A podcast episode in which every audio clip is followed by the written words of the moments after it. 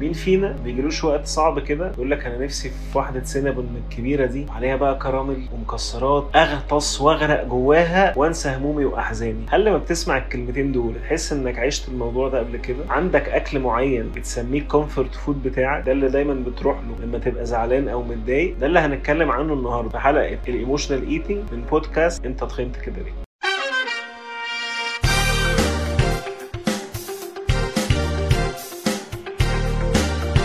هل تعرف إن 80% من حالات ال over eating بيكون سببها هو ال emotional eating أو بالعربي يعني 80% من المرات اللي أنت هتاكل فيها زيادة عن طاقتك وزيادة عن احتياج جسمك هيكون السبب في ده هي مشاعرك أو الجوع العاطفي. الكلام ده ممكن ما يبقاش جديد. وممكن تشوف إنك سمعته قبل كده. و definitely أي حد بيتكلم في حاجة ليها علاقة بالخسسان أو الصحة أو الجسم أكيد جاب لك سيرة ال emotional eating هدفنا في حلقة النهاردة إن إحنا نفهم أصلا يعني إيه emotional eating بيحصل إزاي اتكون إمتى إيه سلطته علينا دي اللي بتخلينا نعمل حاجات إحنا مش عايزينها نعمل تصرفات مش محببة لينا أو مش هي اللي بتساعدنا. إن إحنا نوصل لهدفنا وبالتالي لما نفهم الكلام ده نقدر نفهم إزاي نقدر نغيره وإزاي نقدر نصلح العادات أو الحاجات اللي جوانا اللي إحنا متعودين عليها واللي بتبعدنا عن هدفنا أكتر. نعرف نجاوب سؤال أنت تخنت كده ليه؟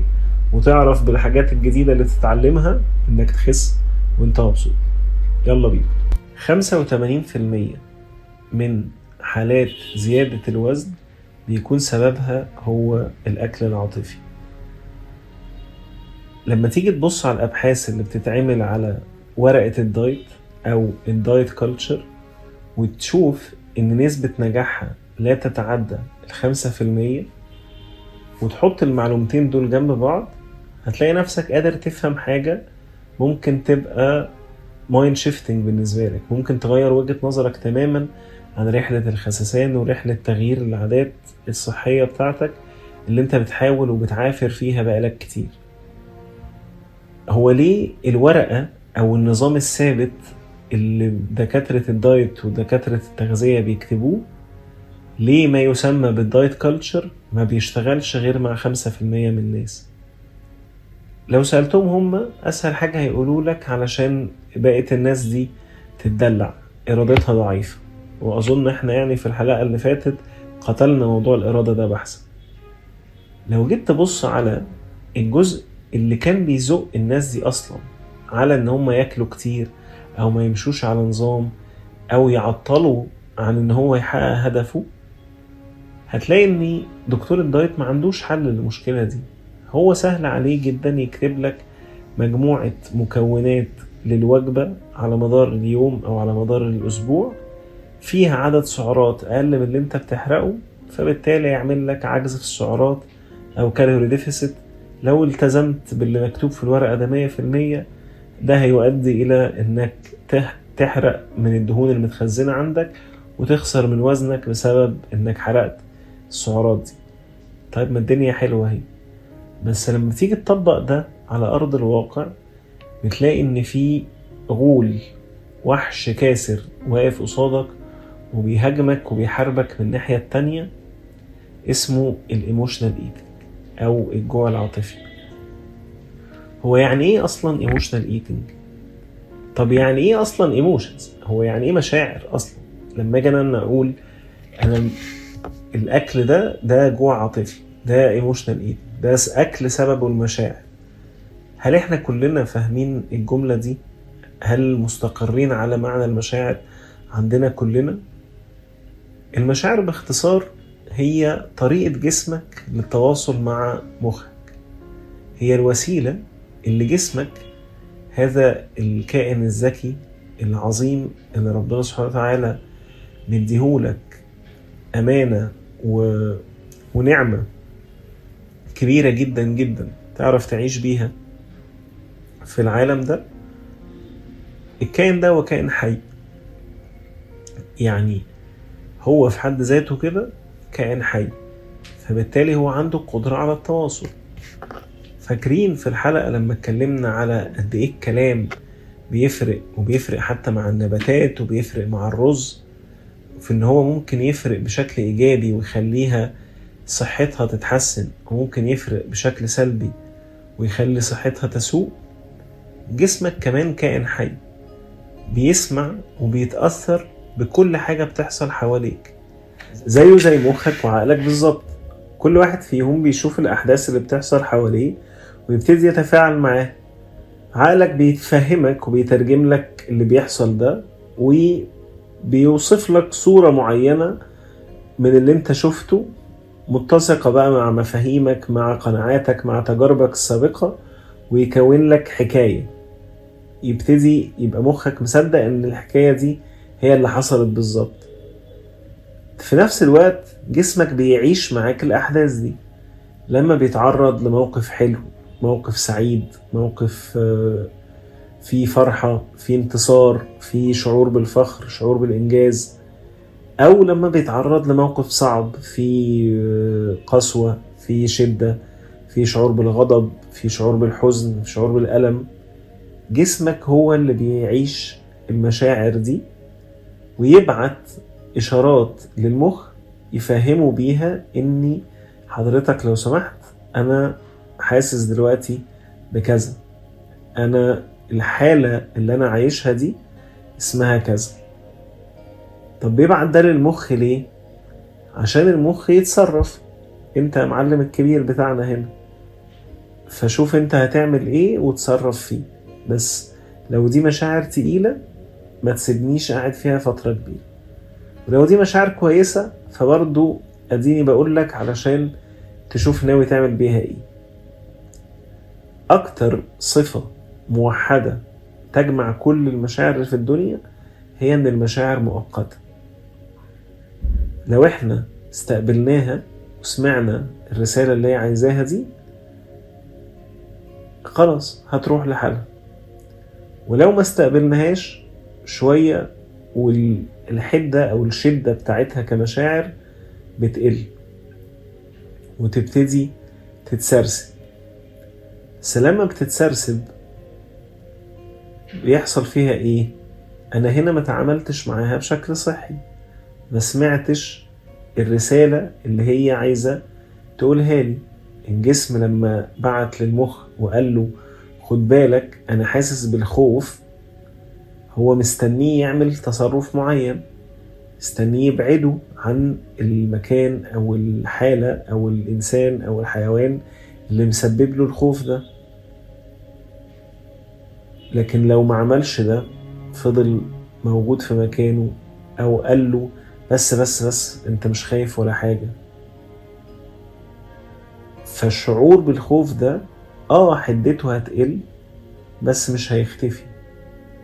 وهيتحول لأحد مصادر ال stress أو أحد مصادر الضغط العصبي.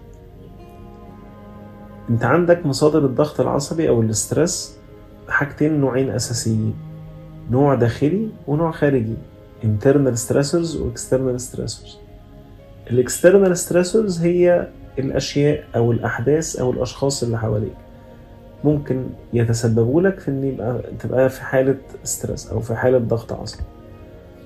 بينما ال internal stressors هي مشاعرك اللي أنت لم تتعامل معاها بشكل صحي. شعور بقى مؤلم شعور بالغضب شعور بالخوف. أي مشاعر تقيلة أو أي مشاعر سلبية أنت ما بتتعاملش معاها بتتحول هي الأخرى لجزء من الضغط العصبي اللي عليك أو حالة الاسترس اللي أنت فيها. لأنك بتبقى عامل زي اللي عمال يتملي ماسك كوباية عمال يمليها ومبيفضيش الكوباية دي في حتة. فجسمك مليان مشاعر متخزنة وأنت مش راضي تسمع له ومش راضي تفهمه ومش راضي تاخد منه الرسالة اللي هو بيقولها لك عن طريق المشاعر دي. فعمال يضغط نفسه أكتر عشان بيحصل له حاجات تانية. فعايزك تسمع له برضو بسبب الحاجات التانية دي. فيبقى ده الضغط العصبي. وتلاقي إن في الضغط العصبي ده اللي بنتكلم عليه كلمتين في الخفيف كده ده ممكن يؤدي لأكتر أمراض بعد الشر بتموت البني آدمين وبتقضي على صحته الضغط العصبي ده ممكن يجيب لك مرض اللي هو ارتفاع ضغط الدم. الضغط العصبي ممكن يجيب لك جلطات في القلب. ممكن يجيب لك آه، يعني heart failure أو يخلي عضلة القلب نفسها ما بيوصلهاش دم كافي إنها تعرف تتغذى فتغذي باقي الجسم الضغط العصبي ده ممكن يتسبب في كوارث صحية عليك. وممكن يتسبب في إنك تاكل زيادة عن احتياج جسمك. وده اللي إحنا بنتكلم عليه النهاردة.